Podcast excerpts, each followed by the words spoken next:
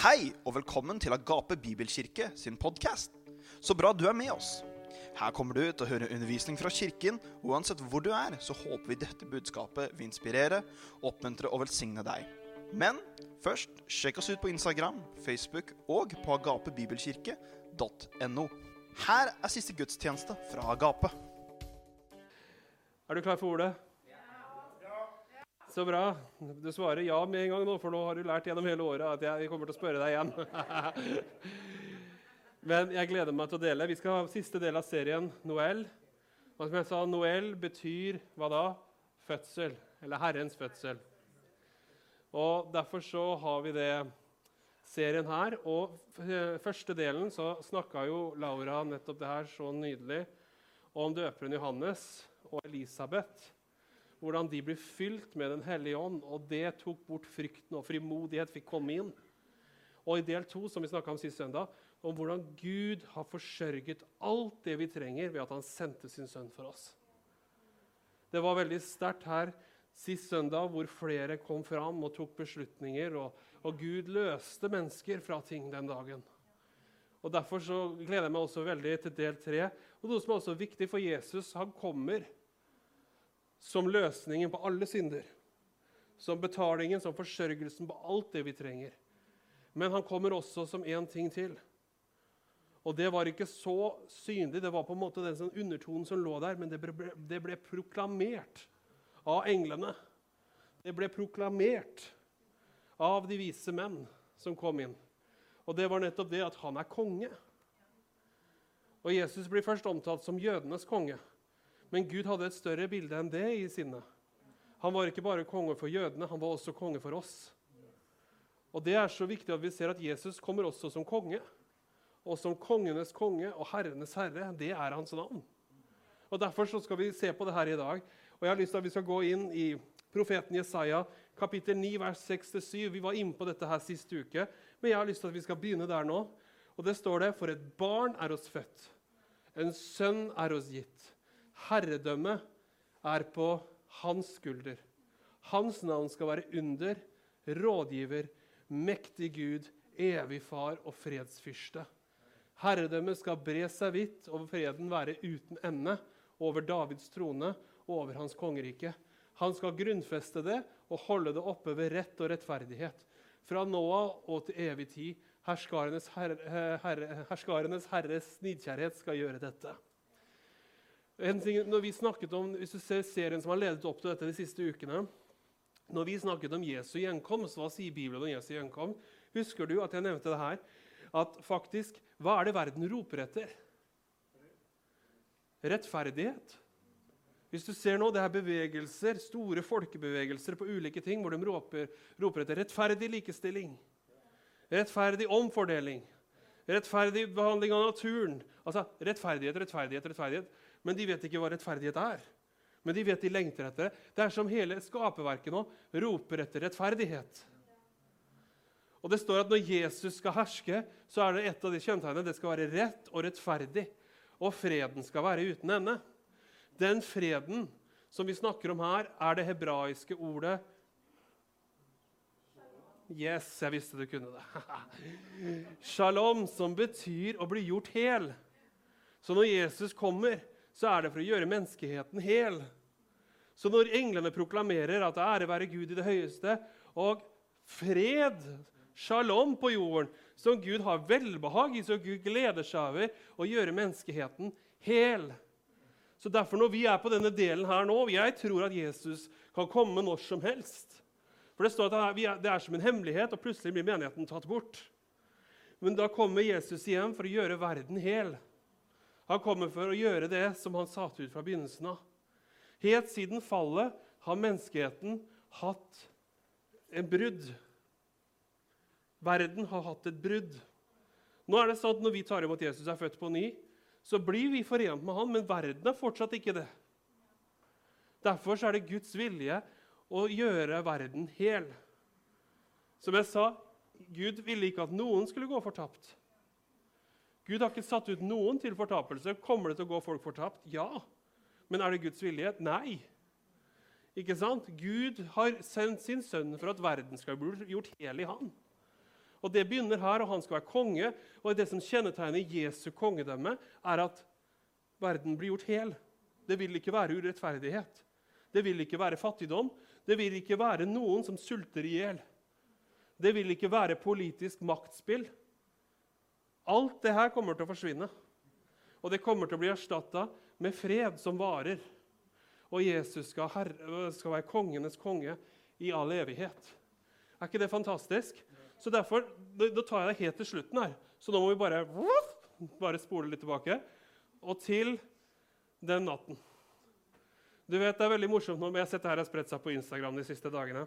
Og det er at Folk sier det at uh, la oss ta kristendommen ut av jula. Og så sier vi, for nå er vi tross alt i 2023. Så tenker jeg 2023 siden hva?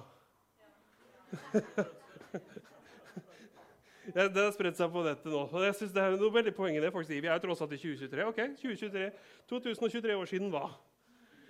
Siden Jesus kom. Ikke sant? Vi feirer den dagen da han kom inn. Vi, vi endret hele vår tidsregning. Hele verden er sentrert rundt én ting. Før og etter Kristus. Altså, Han er sentrum. Han er sentrum i historien, og korset er så fantastisk. For korset det peker to veier. Og så peker det to veier. Så det peker inn i fortiden og inn i framtiden. Det peker opp til Gud og ned til oss. Så Kristus han forener fortid, nåtid, Gud og mennesker i ett øyeblikk på korset. Og Det er det vi ser fram nå med jula. At, takk Gud at Jesus ikke bare kom som en baby og ble liggende i den krybba. Som de katolske. 'Å, kom og se på Jesusbarnet. Så søt han er.' Oh, Nei, han hadde mye mer enn det. Jesus han vokste opp, han ble vår forsørgelse, og han døde for oss på korset. Og han er kongen som er sendt oss. Er du klar for å gå inn her i bibelhistorien? Matteus kapittel 2. La oss gå til Matteus evangelium, kapittel 2. Og så skal vi lese fra vers 1 til 12, så nå får du litt bibellesning her i dag. Men har du ikke Bibelen din, frykt ikke. Skjermen er her. Og så lenge teknologien funker i dag, så kan du følge med der. Etter at Jesus var født i Betlehem i Judea i kong Herodes dager, se, da kom det vise menn fra Østerland. Og derfor vet vi at Jesus ikke ble født i Norge, for det var ikke noen vise menn fra øst. Jeg bare tuller med det her i dag. Jeg elsker svensker. Jeg bare tuller litt med det her i dag. Fra Østerland til Jerusalem. De sa, 'Hvor er det jødenes konge som er født?' For vi har sett hans stjerne i Østen og er kommet for å tilbe han. Da kong Herodes hørte dette, ble han forskrekket. Og det ble også hele Jerusalem med han. Og da han hadde samlet alle øversteprestene i de skriftlærde folket, så spurte han dem hvor Kristus skulle bli født. Det svarte de han i Betlehem i Judea, for slik det er skrevet ved profeten. Men du, Betlehem i Judaland, du er slett ikke den ringeste blant fyrstene i Juda. For ut fra deg skal det komme en fyrste, han skal være hyrde for mitt folk Israel. Da fikk Herodes vite, en av de vise menn, at når stjernen hadde vist seg, etter han hadde kalt dem til seg i hemmelighet Han sendte dem til Betlehem og sa, Gå og let grundig etter det lille barnet, og når dere har funnet han, la meg også få beskjed, slik at jeg kan komme og tilbe han. Da de hadde hørt på kongen, dro de av sted, og se stjernen de hadde sett i østen, gikk foran dem, til den sto over det stedet hvor det lille barnet var. Da de så stjernen, ble de fylt med jublende glede. Da var de kommet inn i huset, så det lille barnet eh, så, eh, så, så, de det lille barnet sammen med sin mor Maria, og de falt ned og tilba ham. Da de hadde åpnet skattene sine, bar de fram gaver til ham, gull, røkelse og myrra. Da fikk, men da de fikk en guddommelig advarsel i en drøm og at de ikke skulle reise tilbake til Herodes, så dro de en annen vei og hjem til sitt eget land. Så da er spørsmål nummer én hvem var de vise menn? Vi har allerede etablert at dette her skjedde ikke i Norge og Sverige. Så vi vet at det ikke var svensker. Og vi vet også at det ikke var finner.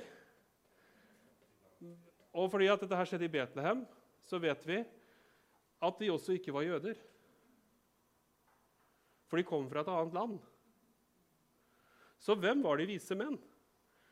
Og Ofte har vi tradisjonen vi kan få bilde, ikke sant? Du ser tre stykker. Hvor i Bibelen står det at det var tre? Vet du hvorfor vi har det i tradisjonen at det er tre? Fordi det er tre gaver. Derfor har vi antatt at det er tre, men tradisjonen sier at det var tolv. Og jeg har hørt at det var et følge på flere hundre.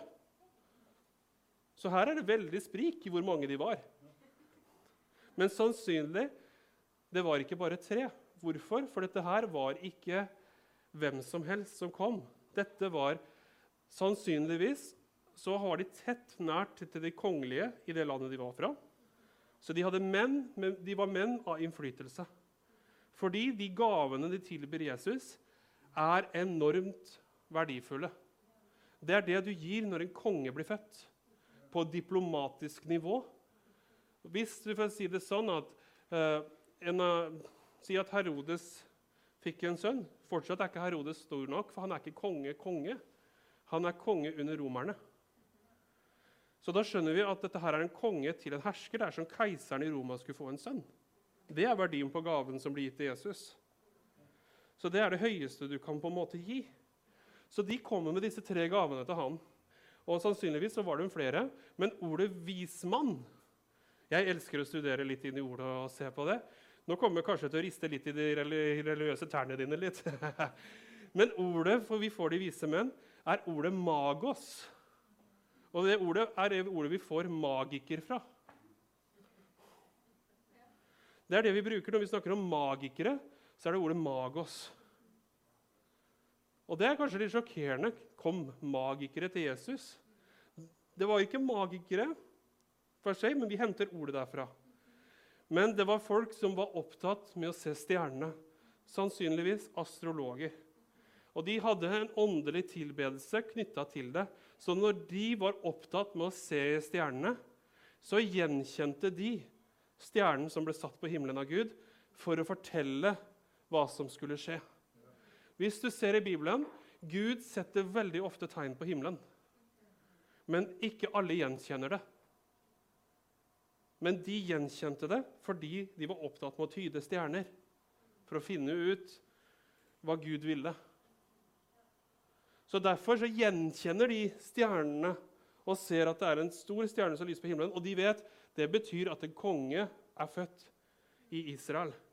Ikke bare en konge, men en en stor fyrste. En, ikke bare en vanlig konge, men det er noe spesielt med han. Og de vet det, og derfor forlater de landet sitt og kommer dit. Og derfor så tenker de, Når de kommer dit, så tenker de vi må begynne i Jerusalem. For der er hovedstaden. Og hvis det var jødene som skulle få en konge nå, så må vi begynne der og sjekke med palasset. Så de kommer til Herodes og sier, 'Hvor er jødenes konge?' Og Herodes tenkte, 'Jeg har ikke fått noe barn'. Så det står at hele Jerusalem ble forskrekka. Og hvorfor ble de forskrekka? Fordi hvis noen annen blir proklamert som konge, betydde det borgerkrig. Og tusener på tusener dør i borgerkriger. Og de var allerede okkupert av romerne. Så Jesus kommer inn i en veldig komplisert tid i, i, i Juda. Romerne har kontroll på landet. Herodes styrer landet. På tempelet, Guds tempel er det satt opp en romersk ørn hvor det står SPQR, som er det romerske senatets signatur. Det står på det jødiske tempelet i Jerusalem. Så Israel er under okkupasjon av Romerriket og har vært det i lang tid. Og derfor, så Når Jesus kommer, kommer inn i denne tiden, og alt er veldig sårbart og de vise menn sier, 'Hvor er jødenes konge, så vi kan komme og tilbe han?' De skapte skandale, sensasjon, i Jerusalem. Det er ikke sånn en søt fortelling. 'Nei, men så du verden, så koselig.' 'Så hyggelig. Må vi dra til Betlehem og se?' Nei, det var ikke sånn. Det var, det skjelv, altså. Og realiteten er at Gud advarer de vise menn og til å ta en annen vei fordi at Herodes ikke skal finne han. Husker du hva jeg delte sist gang? At når barnet ble født, så stilte dragen seg opp for å sluke barnet. Jeg leste fra Johannes' åpenbaring. At djevelen gjorde seg klar når Jesus kom inn i verden. Å, og hvem er det han bruker? Han bruker Herodes. Herodes dreper alle guttebarn under to år i hele området rundt for å sikre seg at han ikke har noen rival. Derfor blir Jesus tatt til Egypt og skjult der i flere år. Til Herodes dør. Det er, det er historien. Så dette her dette er maktspill. Og Herodes er opptatt av sin egen makt. Men Jesus han kom jo for å frelse Herodes òg. Ikke sant? Men mennesker vi er rare sånn. Vi prøver ofte å holde på det vi, det vi har, istedenfor å se hva Gud vil gi oss. Så dette er det som skjer her. liksom Politiske bakteppet. Henger du med meg her? Og det står at når de vise menn er på vei til Betlehem, så skjer det noe. Når de ser stjernen over stallen og der Jesus er, så står det at de blir fylt med jublende glede. Tenk nå bare en parallell til gjeterne på marken. Da englene sa, 'Se, jeg forkynner dere en stor glede.' Ikke et stort alvor, men en stor glede. Så det er en jublende glede. Hvorfor? For nå kommer han som skal sette alt på plass. Nå kommer han som skal redde oss. Nå kommer han som skal gi oss evig liv. Nå er løsningen her. Men når vise menn hadde opptatt av én ting Gjeterne så offerlammet.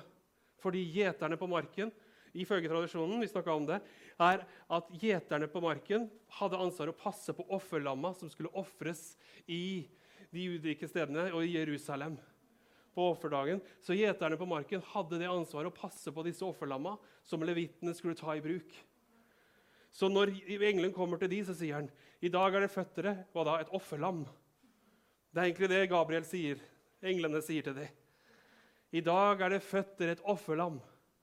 Mens til de vise menn så var det på himmelen så sto det For de kjente ikke Gud. Men på himmelen så sto det nå er kongens tegn på himmelen. Det blir født en konge. Så kommer de sammen til der Jesus er. Gjeterne kommer og sier, 'Hvor er offerlammet? Hvor er han som skal dø for våre synder?' Og så kommer de vise menn. 'Hvor er kongen?' For vi har kommet for å tilbe ham. Og dette er Jesus. Han er både lam og konge. Han er både offer og Herre. Det er evangeliet. Så ved Jesu fødsel så kommer gjeterne, som er jøder, men så kommer også de vise menn, som er hedninger. Så allerede der inkluderer Gud hedningene fra starten av. Så vi er inkludert i fødselen. Til å se jødenes konge, til å se vår konge. Hedningenes konge, verdens konge, kongenes konge og herrenes herre. Så at alt i begynnelsen er der. Så i begynnelsen så ser både jødene han og hedningene han. Og når Jesus dør på korset, så er det korsfestet av både jødene og hedningene. Ser du hvordan dette her går samspill? Hvordan Gud har inkludert hele verden i frelsesplanen fra første sekund.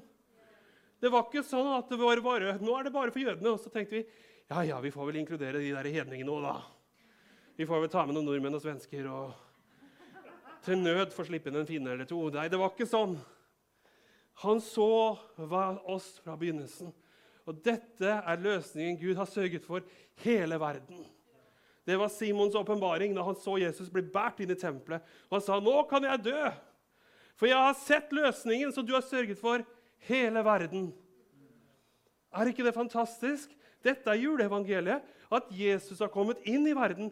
At Gud selv har tatt på seg menneskekropp. Jesus begynte ikke å eksistere på julaften. Nei, han kom inn. Og så I storyen i Hebrevbrevet så se, se, jeg kommer for å gjøre din vilje, Gud. Men Blod av, av lam og bukker, det ville du ikke ha. Men en kropp har du gjort klar for meg. Så Jesus kler på seg en menneskekropp. Han blir som deg og meg. Og han kommer og sier, 'Her er jeg, og jeg skal sette dere fri.'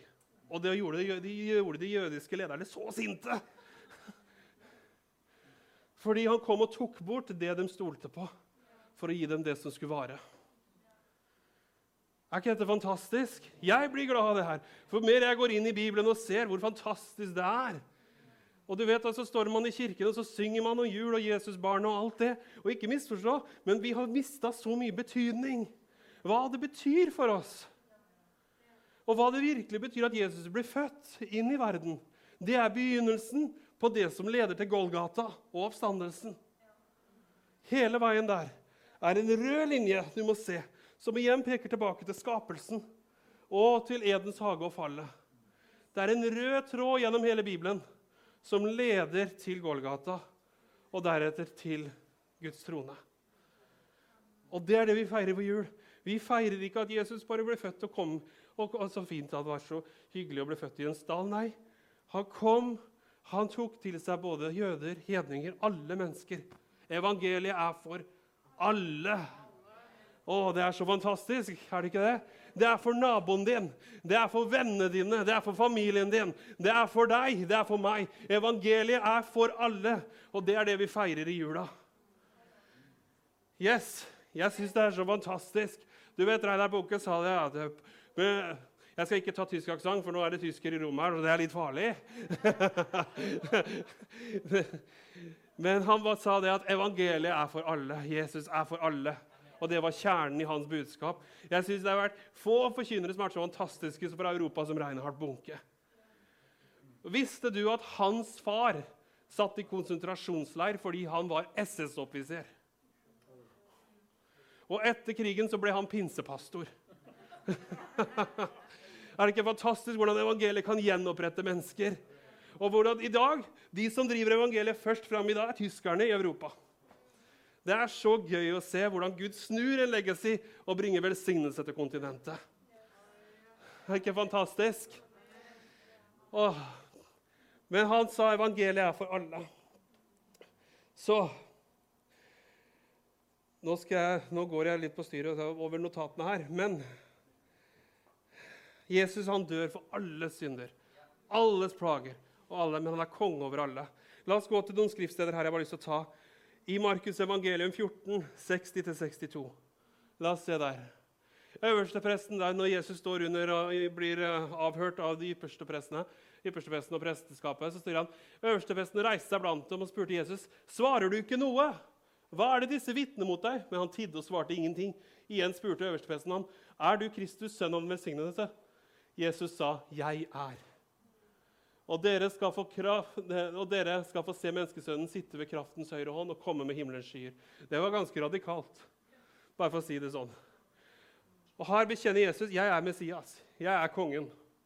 Og så La oss gå til neste Johannes 1837. Da spurte Pilatus ham, er da ikke du konge. Jesus svarte, du sier med rette at jeg er en konge, og til det er jeg født. Og til det er jeg kommet inn i verden, at jeg skal vitne for sannheten. Og hver den som er av sannheten, hører min stemme. Så Jesus han er veldig tydelig på sitt oppdrag. Han sier det til de jødiske lederne, han sier til de romerske lederne.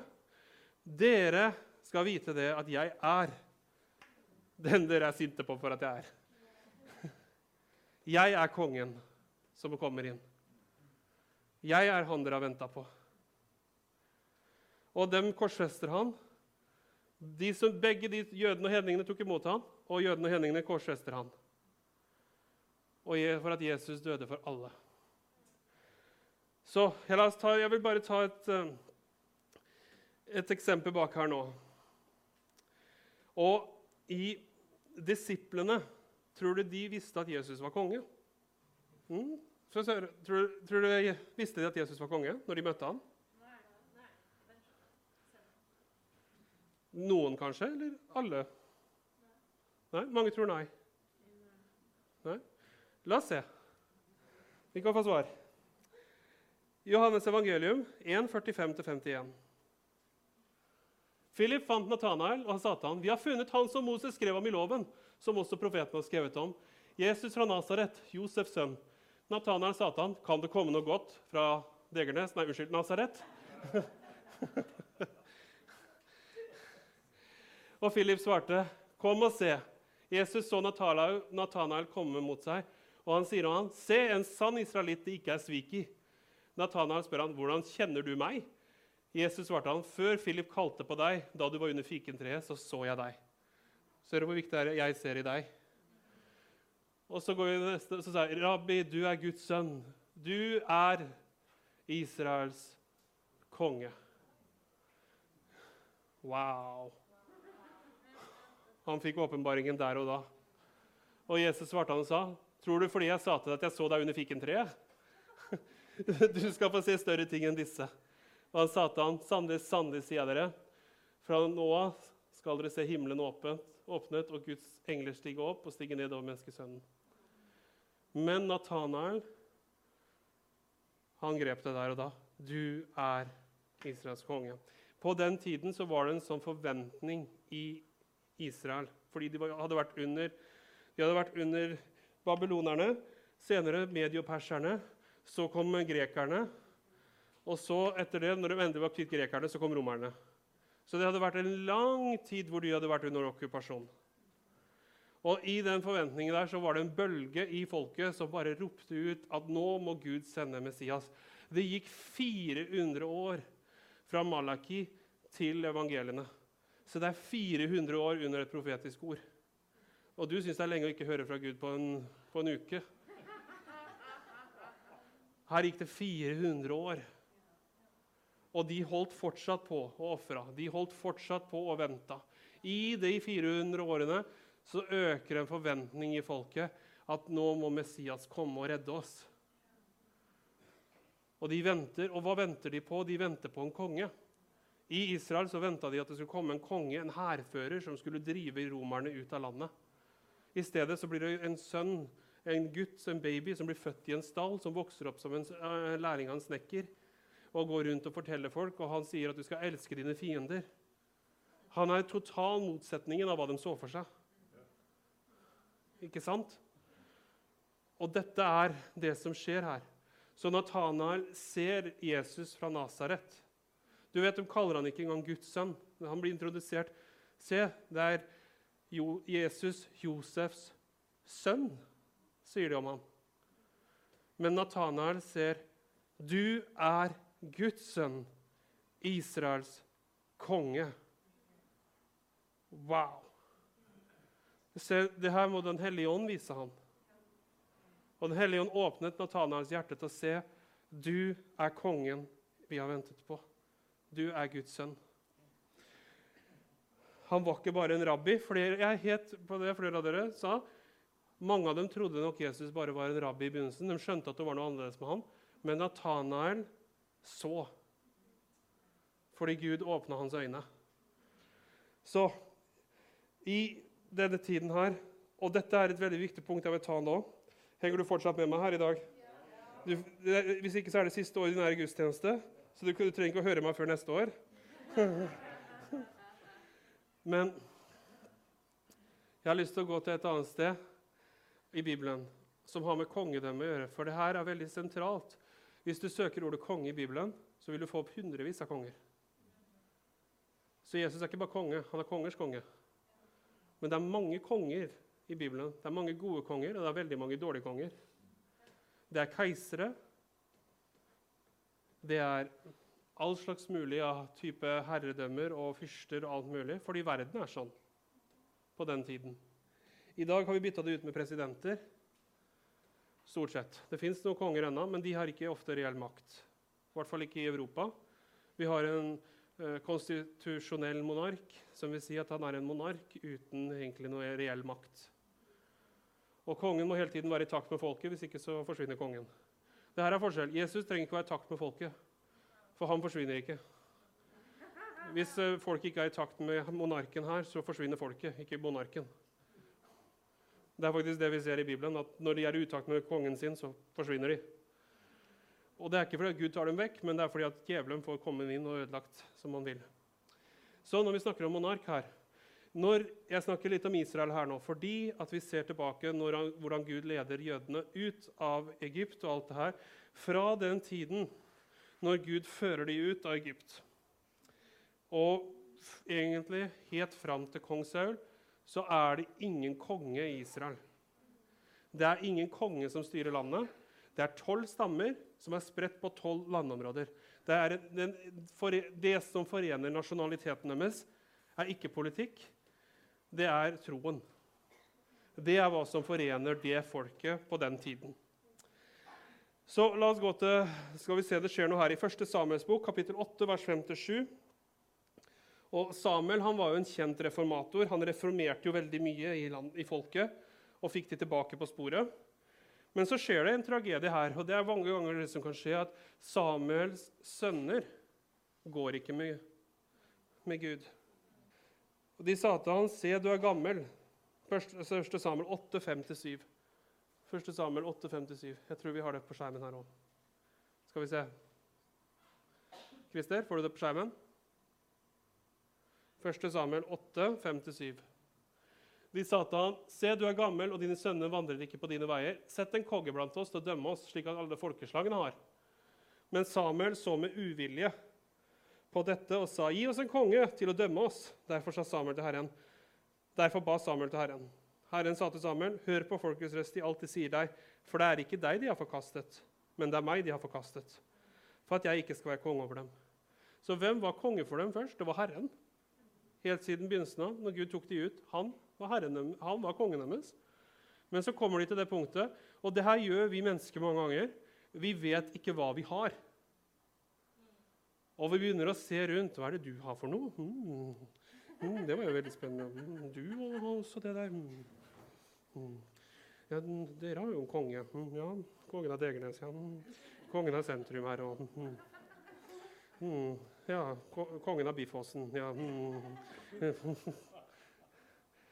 Det, det er kallenavn på det nabolaget du bor. Det er flere som kaller det Biffåsen. Så derfor. Jeg bare har litt moro her. Men ikke sant? Man gikk rundt sånn hm, Og du er konge, ja. Hm. Det var jo ikke så dum idé. Ja, men vi har bare Gud. Skjønner du? Sånn begynner vi mennesker mange ganger.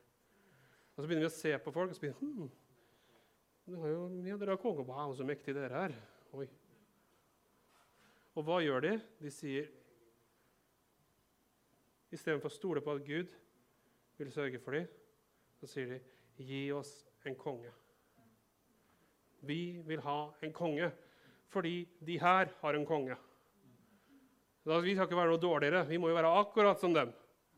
Så gi oss en konge. Og det som skjer, er at de får Saul. Han blir den første kongen. Han begynner bra. Han ender svært dårlig. Tas etterfølges av David, som gjør det for så vidt ganske bra. Han har noen hump i skjæren som ikke er så bra, men han fullfører bra. Så kommer Salomo. Han begynner bra, men han ender i en depresjon. Og det går ikke bra med han til slutt heller. Selv om han var en av de beste kongene de hadde, så ender han ikke like bra som han begynner. Etter Salomo så er det et virvar av sånn. Og det går et par ledd. Nestemann kjører landet så hardt at landet splitter i to. Da får du Nordriket Israel og Sørriket Juda. Så kommer asyrerhæren inn og bortfører Nordriket og tar dem bort. Og de har aldri kommet igjen. Og så, etter det, så kommer babylonerne og tar Sørriket vekk. Alt det her kan du spore tilbake til denne dagen. Var David en god konge? Ja. Men var det Guds beste plan at David skulle være konge? Men Gud ærer det. Vet du hvordan han gjør det? Han snakker til til dem som han sier kommer igjen og skal ta over Davids trone, og det er han selv. Gud kommer til å være konge igjen. Og han blir menneske, så at ja, de får en konge som de ønsker seg, men det skal være Gud som setter seg på tronen igjen. Ser du hvordan Gud gjør? Han gjør det uten å ydmyke dem. Han ærer deres bønn, og samtidig vet han at det er bare han som kan fylle den plassen i det folket. Og denne gangen så sier Gud, men ikke bare for dere, men for hele. Så derfor herredømmet skal være uten ende. Freden skal være uten ende. Ser du hvordan Bibelen henger sammen? Og alt dette kulminerer inn at Jesus blir født og leder opp til Golgata. Det er så fantastisk å se. Og du vet at De, de nordstammene som er borte, ja, flere av dem dukker opp i dag. Men de kom aldri tilbake til landet sånn som Juda gjorde. De forsvant.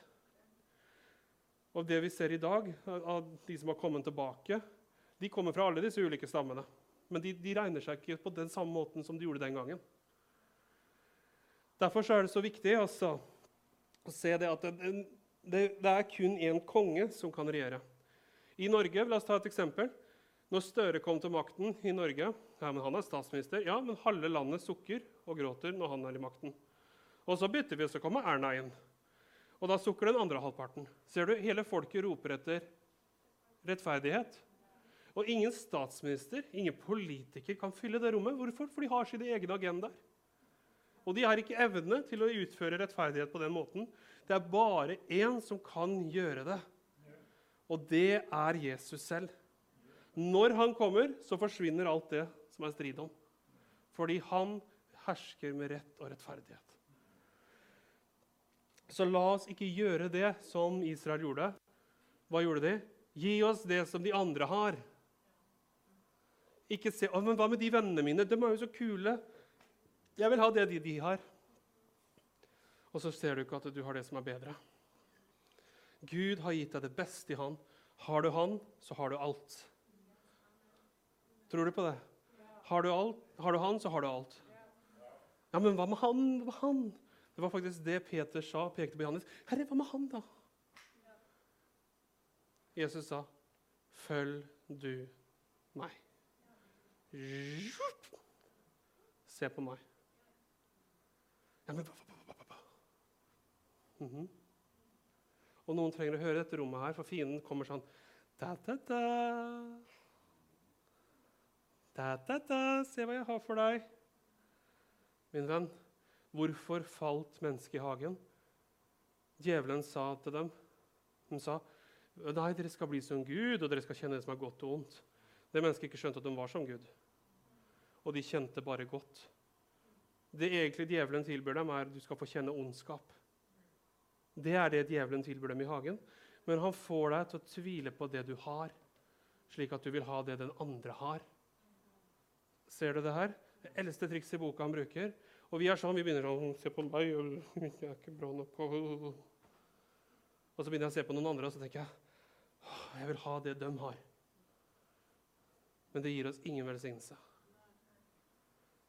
Vi trenger bare én, og det er han. Vi trenger kongen. Du vet, Vi har en fin konstitusjonell monark i Norge i dag. Men selv han kan ikke gjøre det vi trenger. Og han gjør feil. Vi trenger den evige kongen først i våre hjerter, og han vil innføre fred i verden. Men det begynner med oss her i dag, at vi kan ha Han regjere i våre liv. La oss gå til siste del her. Orker du litt til? Slapp av, du trenger ikke å høre meg før neste år. Jeg bare vil sitere et vers her, men det står at uh, i Bibelen så blir Jesus kalt herrenes herre og kongenes konge. Det finner vi i Johannes' åpenbaring 1714. Og I, Rom, i Kolossebrevet 2, 14 og 15 så står det at Jesus han slettet ut skyldbrevet mot oss. Ved det som vitnet mot oss. altså Hva var det? Syndene våre. Han tok de bort ved at han naglet etter korset. Og så står det at han avvæpnet maktene og myndighetene ved at han vanæret dem og triumferte over dem på korset. Hvem er maktene og myndighetene? Det er djevelen og hele hans åndevær, ånde her det som står imot oss. Jesus tok fra dem all makt. Fienden har ingen makt til å ta fra oss annet enn han kan ljuge, og vi gir han den retten han kan herje med. Men han har ingen makt til å ta fra oss annet enn det vi gir han. Det er så viktig at vi er klar over. For Jeg møter kristne som snakker hele tida. Det høres ut som Jesus og djevelen var i en brytekamp. Og Det var så vidt Jesus fikk overtaket, og etter Jesus vant, så må vi gjøre det samme igjen. Vi må slåss med djevelen hver dag. Nei, vi trenger ikke å slåss med ham hver dag. Vi trenger å avsløre ham. Vi trenger å avsløre fienden i den tiden, hva han ønsker å gjøre. Paulus sier det. Hva Satan har i sinne, det er vi ikke uvitende om. Vi må avsløre fienden, og vi må minne ham på faktisk det her. Vet du hva? Jeg vet at du er beseira. Djevelen tester deg for å se om du vet det. Og det vil han fortsette å gjøre så lenge han kan, fordi han, ljuger. Men vi må faktisk bruke det og se, vet du hva? Det står i Guds ord at 'jeg har blitt seiret med Kristus'. Hans seier er min seier. Hva har du med meg å gjøre? Skru på lyset. Ha det bra. Og jeg vil minne deg om det. Noen av dere sliter med at fienden går imot dere. Og igjen og igjen og igjen. og igjen. Hva trenger du å gjøre? Du trenger å skru på lyset. Du er ikke kalt til å slåss med djevelen. Du er kalt til å avsløre ham. Og ikke la noe ta oppmerksomheten din bort fra det han har gjort for deg, ikke hva Jesus har gjort for deg. Det jeg ser hver gang med fienden når han begynner å skape trøbbel, så må jeg bare finne ut hvor er det han skaper trøbbel. Og jeg går ikke inn sånn Nei, jeg går inn og sier, 'Satan, i Jesu Kristi navn, jeg befaler deg å gå, for Jesus har seiret.' Jeg trenger ikke å rope til ham engang. Jeg kan bare si 'gå'. Jeg vet det ryster litt i sjela vår, for vi liker gjerne å Men Jesus er kongenes konge og herrenes herre. Og han har gjort oss til konger og prester. Og han er vår konge. Og vi står under hans herredømme. Visste du at hvis du står under en herre, under en konge, så utøver du hans arbeid? Jeg skal gå inn i det siste verset for i dag, i Filippebrevet 2, 5-11. La oss gå dit nå. Og Hvorfor tar jeg det her er så viktig? Fordi det er så viktig at du vet at Jesus er ikke, han er ikke en konge på vent. Han er kongenes konge i dag. Og når vi tar imot han i våre liv, så kommer vi inn i hans rike. Han er vår konge, han er vår herre. Hans lover gjelder i våre liv. Det er kongens lover som gjelder. Og Derfor er det viktig å avsløre hva fienden vil. Fienden vil i dette her, han vil holde deg tilbake. Han vil få deg til å tenke at det har ikke skjedd noe forskjell. At evangeliet har ikke betydd noe forskjell i ditt liv. Det er det fienden vil si. Ja, jeg har jo en fin billett til himmelen når jeg dør. Det er djevelen ok med, for da er du ikke noe trussel mot han så lenge du er her. Men Gud har hensikt, og vår konge han er kongenes konge i dag. Og Han kommer til å komme igjen og han kommer til å gjøre et oppgjør og kaste djevelen i ildsjøen. og gjøre alt det der.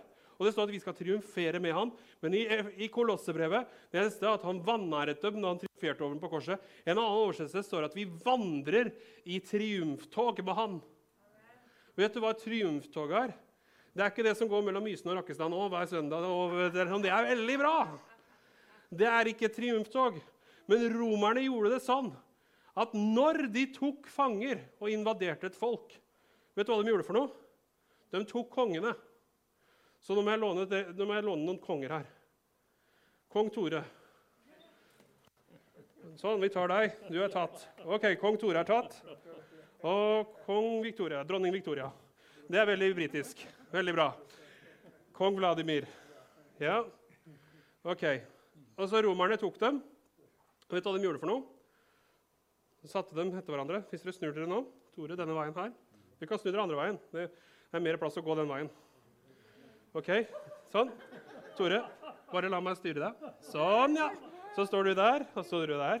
Og så gjør dere sånn med hendene. Sånn. Nei, nei, nei, Tore. Du skal bare stå sånn. Du, du, du er ikke romer, du er fange.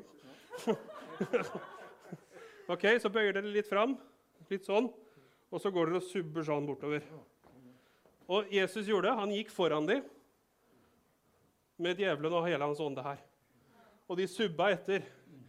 Sykdom, angst, depresjon, synd, mørke Alt sammen. De subba etter han. Og vet du hva? Så med oss gikk Og vi! Kom igjen, bli med. Dere er frelst. Dere kan feire med. Så går vi sammen. Og så ho-ho, party!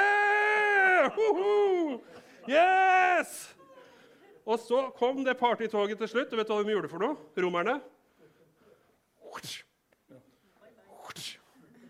Og Takk skal du ha. Gi dem en klapp. Men det er det vi vandrer i triumftog. Og så kommer slutten, og Jesus sier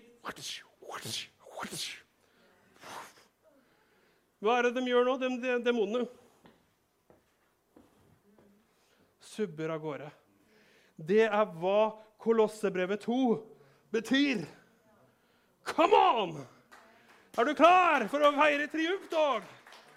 Kongenes konge og herrenes herre er hans navn. Yes! Oh! Da avslutter vi med det her i Filippe-brevet. 2.5-11. Derfor har også Nei, nei, nei. Det er 9-11 må ikke du gå for fort fram her. La dette sinn være i dere som også var i Kristus Jesus. Han, da han var i Guds skikkelse, ikke holdt det for tilrådende gode å være lik Gud, men han uttømte seg selv. Tok på seg en tjenerskikkelse og kom i menneskers likhet. Da han i sin fremtreden var funnet som et menneske, fornedret han seg selv og ble lydig til døden. Ja, til døden på korset. Det er det vi har snakka om i dag. Også neste. Derfor har Gud opphøyet han og gitt han navnet som er over ethvert navn, for at i Jesu navn skal hvert kne bøye seg. Deres som er i den himmelske verden. Deres som er på jorden. Og deres som er under jorden. Og for at hver tunge skal bekjenne at Jesus Kristus er Herre, til Gud Faders ære. Oh, ho, ho! Er ikke det fantastisk? Ethvert navn, enhver djevel Visste du at demonene har navn? For Jesus spurte dem, 'Hva er ditt navn?' Enhver djevel, enhver demon. Men visste du at fattigdom er et navn? Sykdom, diagnoser, har et navn. Mørke bruker navn. Ethvert navn som de som er i himmelen, de som er på jorden og under jorden, alle skal bøye seg for navnet Jesus. Og det er det jeg vil fortelle deg denne julen her. Han ble født som konge, og vi kan bøye oss for han. Og for han i dag. Og det er den største gleden vi har, er å bøye oss for hans herredømme i våre liv. Er ikke det fantastisk? Han er kongenes konge og herrenes herre. Og enhver makt og myndighet må bøye seg for hans navn. Og vi proklamerer hans herredømme i Rakkestad, i Sarpsborg, i vår nasjon, i vår kontinent. Jesus Kristus er Herre! Jesus er Herre! Come on! Jesus ære! Yes! Halleluja, Jesus!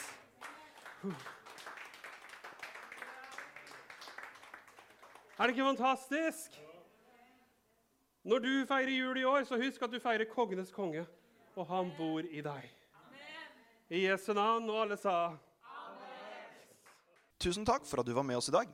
Vi vil gjerne høre fra deg og vite hvordan vi kan be for deg. Ta kontakt med oss enten via sosiale medier eller på nettsidene våre, så håper vi at vi ses ganske snart.